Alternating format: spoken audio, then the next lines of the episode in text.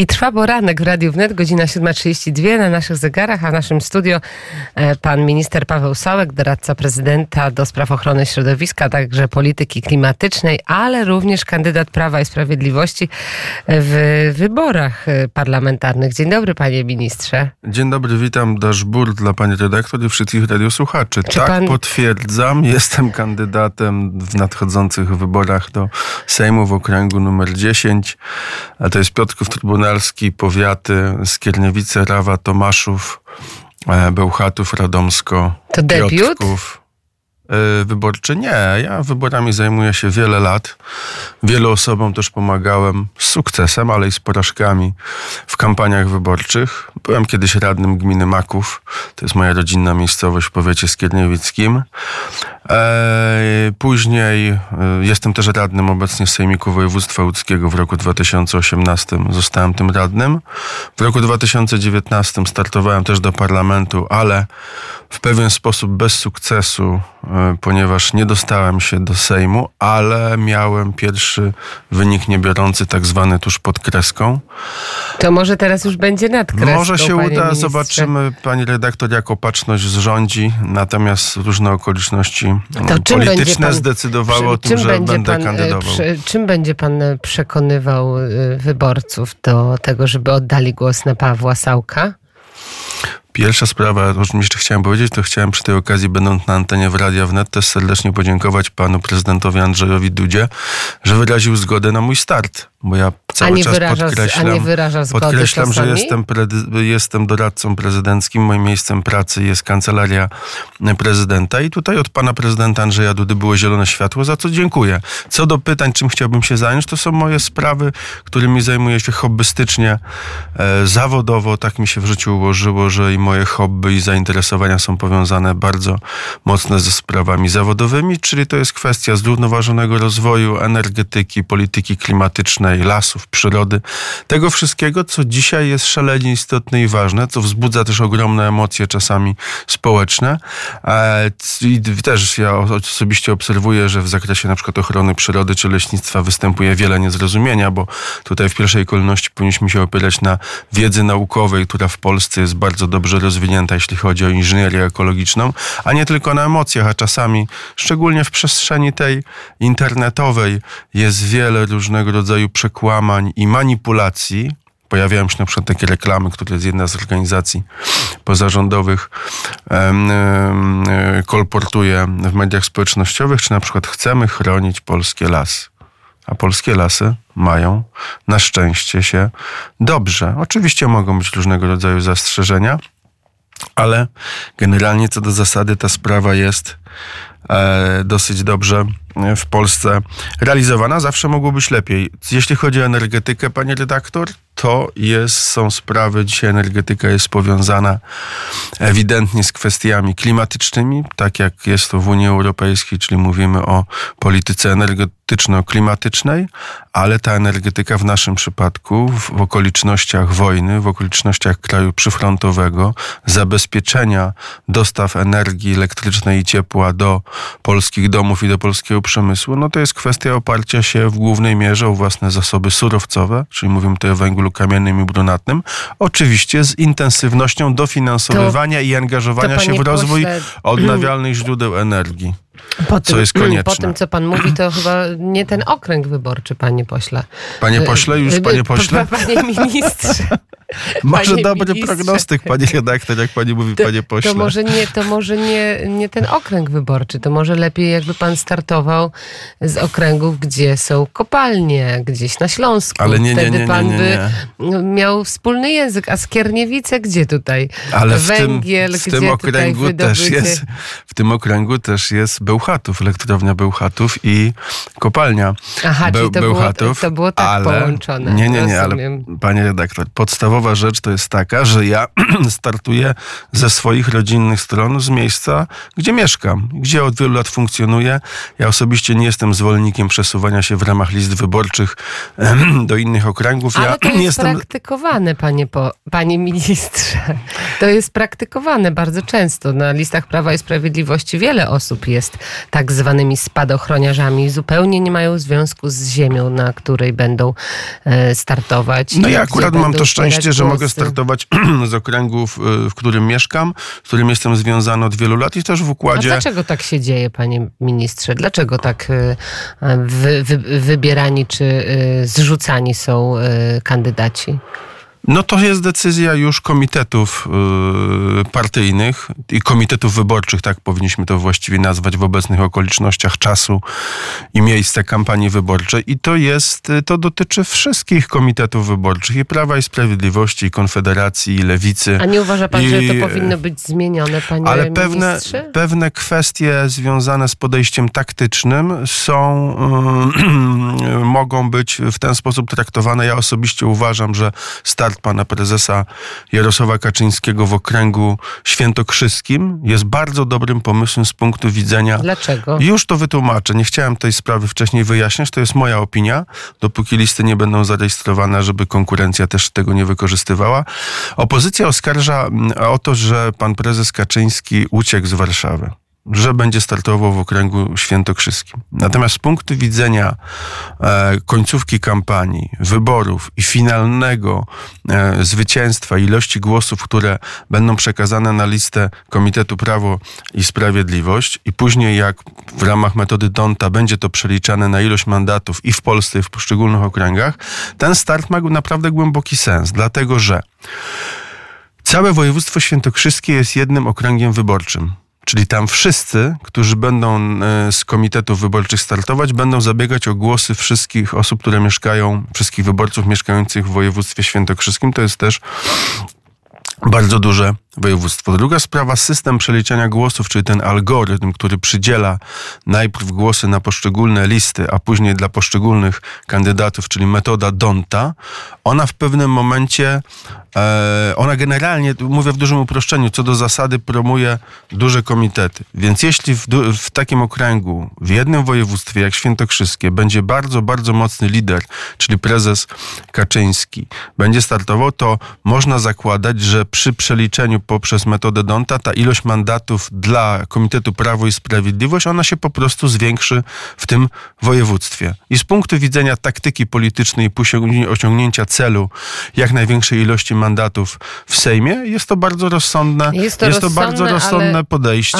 ale Tym bardziej, że, że- metoda przeliczania e, Donta powoduje, że w pewnym momencie można zrobić bardzo dobry wynik i za przeproszeniem ten mandat nie przyjdzie na listę, a można zrobić też bardzo dobry wynik tuż nad kreską e, w układzie liczenia metodą Donta i ten mandat się pojawi. Na przykład ostatnio w, woje, w, w okręgu sieradzkim w województwie łódzkim w poprzednich wyborach te mandaty dodatkowe, które były dla Komitetu Prawo i Sprawiedliwość, to one o kilka głosów powodowały, e, że e, ten mandat skutek liczenia algorytmem Donta Jest, został przypisany. Tak samo było w przypadku Sejmiku Województwa minut, panie Łódzkiego. ministrze. Na pewno jest to pragmatyczne i ważne z punktu widzenia partii, nie do końca z punktu widzenia mm, głosujących, ponieważ powinni oni być jednak związani i znać y, y, y, kandydata, który startuje, a nie jest Ale tu to mówimy o wielkiej polityce. Nowa. Ja za siebie mogę powiedzieć, że ja osobiście jestem zwolennikiem dlatego startuję e, w swoim miejscu zamieszkania, startowania nawet na dalszym miejscu, niekoniecznie na pierwszym, ale w ramach e, tej wspólnoty i społeczności, Ja z którą mamy tak, do czynienia y, na bieżąco i dla której pracujemy.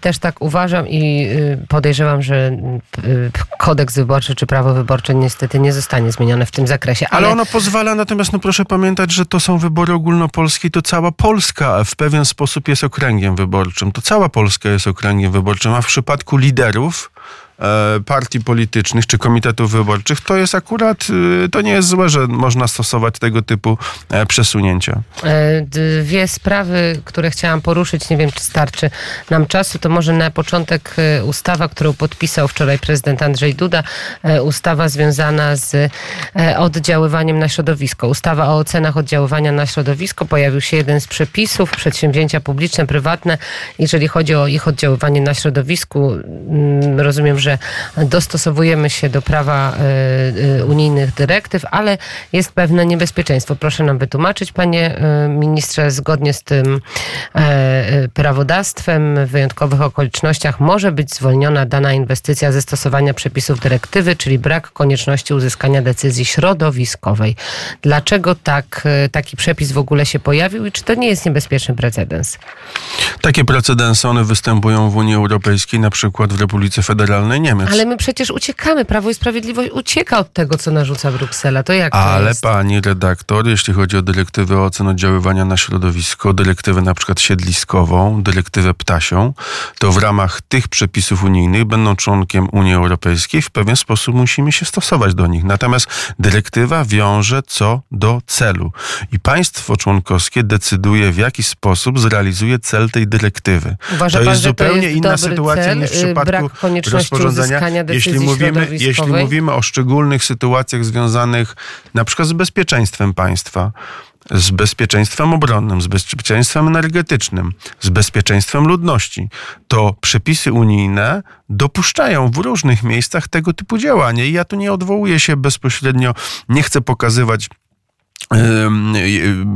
Republiki Federalnej Niemiec jako negatywnego przykładu, tylko ja osobiście mam taki pogląd, że wiele razy od naszych sąsiadów Niemców trzeba się uczyć pewnego dobrego postępowania w ramach funkcjonowania w... przepisów unijnych, Rozumiem. bo te przepisy unijne, czy dyrektywa wiążąca co do funkcji celu, czy rozporządzenie, czasami jest tak, że inaczej jest stosowane i realizowane w Polsce, a inaczej w Niemczech. W ja z tym nie mam jakich... kłopotu, tylko uważam, że powinniśmy być lepsi od naszych sąsiadów, ale wiele razy jest też tak, że to nasi sąsiedzi Niemcy podglądają Polaków, w jaki sposób realizować poszczególne inwestycje, albo w jaki sposób sobie... W jakich momentach będzie brak konieczności uzyskania decyzji środowiskowej? To są kwestie, które będą doktrynalne w ramach tego zapisu, które będą dotyczyły kwestii bezpieczeństwa, czy energetycznego, czy obronnego, czy takich inwestycji, które mogą wpływać bezpośrednio na... Ale to jest bardzo szerokie pojęcie, bezpieczeństwo energetyczne.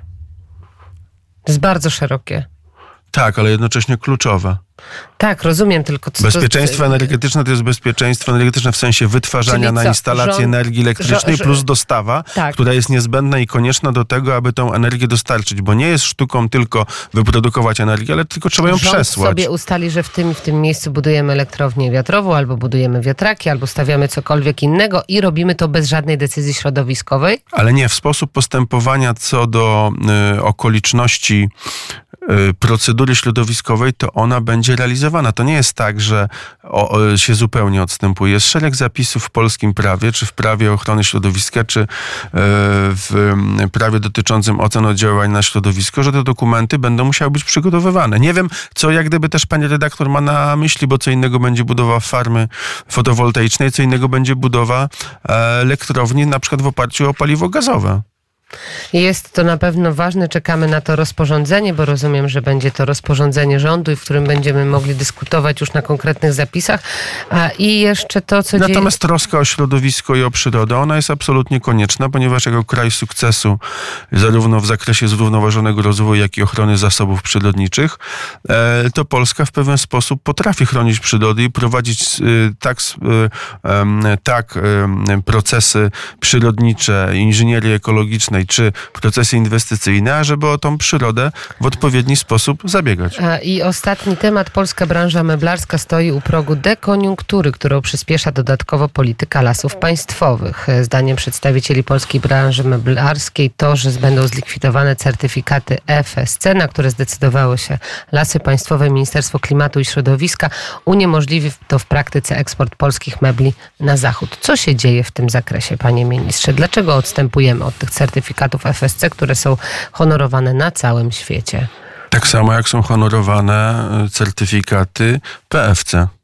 i certyfikat PFC e, jest utrzymywany w poszczególnych dyrekcjach regionalnych lasów państwowych, natomiast trzeba wyjaśnić tutaj słuchaczom dwie kwestie. Po pierwsze, certyfikat FSC i PFC to są pomysły, które zostały zaproponowane i zrealizowane i wdrożone w życie poprzez organizacje pozarządowe.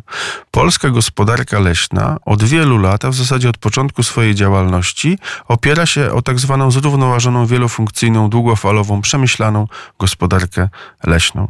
Całe wielkie hasło, pani redaktor, o Organizacji Narodów Zjednoczonych, o zrównoważonym rozwoju, wzięło w ogóle swój początek w ramach nauk leśnych i polityki leśnej, bo wtedy już w XVIII, XIX, nawet XVII wieku zauważono, że nie można w sposób grabieżczy podchodzić do lasów. Ale ja myślę, że chyba nie zdążymy, patrząc na, na zegarek, omówić tego, ale się z chęcią z panią redaktor mówię, żeby pogadać, przepraszam, porozmawiać o, o, o tych sprawach może w szerszy sposób. Natomiast te, ten, ten certyfikat PFC no, jest utrzymywany. Też no. pamiętajmy o tym, że no, ten certyfikat nie może do końca i to podejście takie pozytywne, certyfikujące nie może do końca powodować, że e, pewne przepisy zewnętrzne, pozakrajowe będą decydować o tym, w jaki sposób ma funkcjonować największa firma e, przyrodnicza leśna, jaką są lasy państwowe w Europie. Bo lasy państwowe są największą firmą przyrodniczo-leśną. Czyli w... uspokaja pan ja uspokajam, branżę e, uspo, przemysłu, uspokajam. Natomiast ostatnio, ostatnie zdanie, panie redaktor. Kupiłem ostatnio dzieciakowi zeszyt bo rok szkolny się zaczął i z tyłu była um, etykietka, gdzie było napisane FSC mieszany. Co to znaczy? Co to znaczy FSC mieszany? To znaczy, że część drewna była pozyskana ze zrównoważonej gospodarki leśnej, a część nie wiem z jakiego źródła, ale może wrócimy kiedyś do tej kwestii. Wrócimy kiedyś do tej rozmowy. Paweł Sałek, doradca prezydenta RP. Naszej rozmowie przysłuchuje się Krzysztof Skowroński. Krzysztofie, jesteś z nami? E, tak, jestem z zainteresowaniem, słucham wypowiedzi pana, pana ministra i chcę go z Arłamowa, e, czyli z, serca Przedbieszczad e, serdecznie pozdrowić i rzeczywiście może będziemy jak, niedługo będziemy w miejscu, gdzie produkuje się meble i zapytamy się u źródeł, czy rzeczywiście tak jest, czy rzeczywiście jest strach przed tym, że eksport polskich mebli zostanie zahamowany. Pozdrawiam pana ministra. Kłaniam się, wszystkiego dobrego, Daszbur.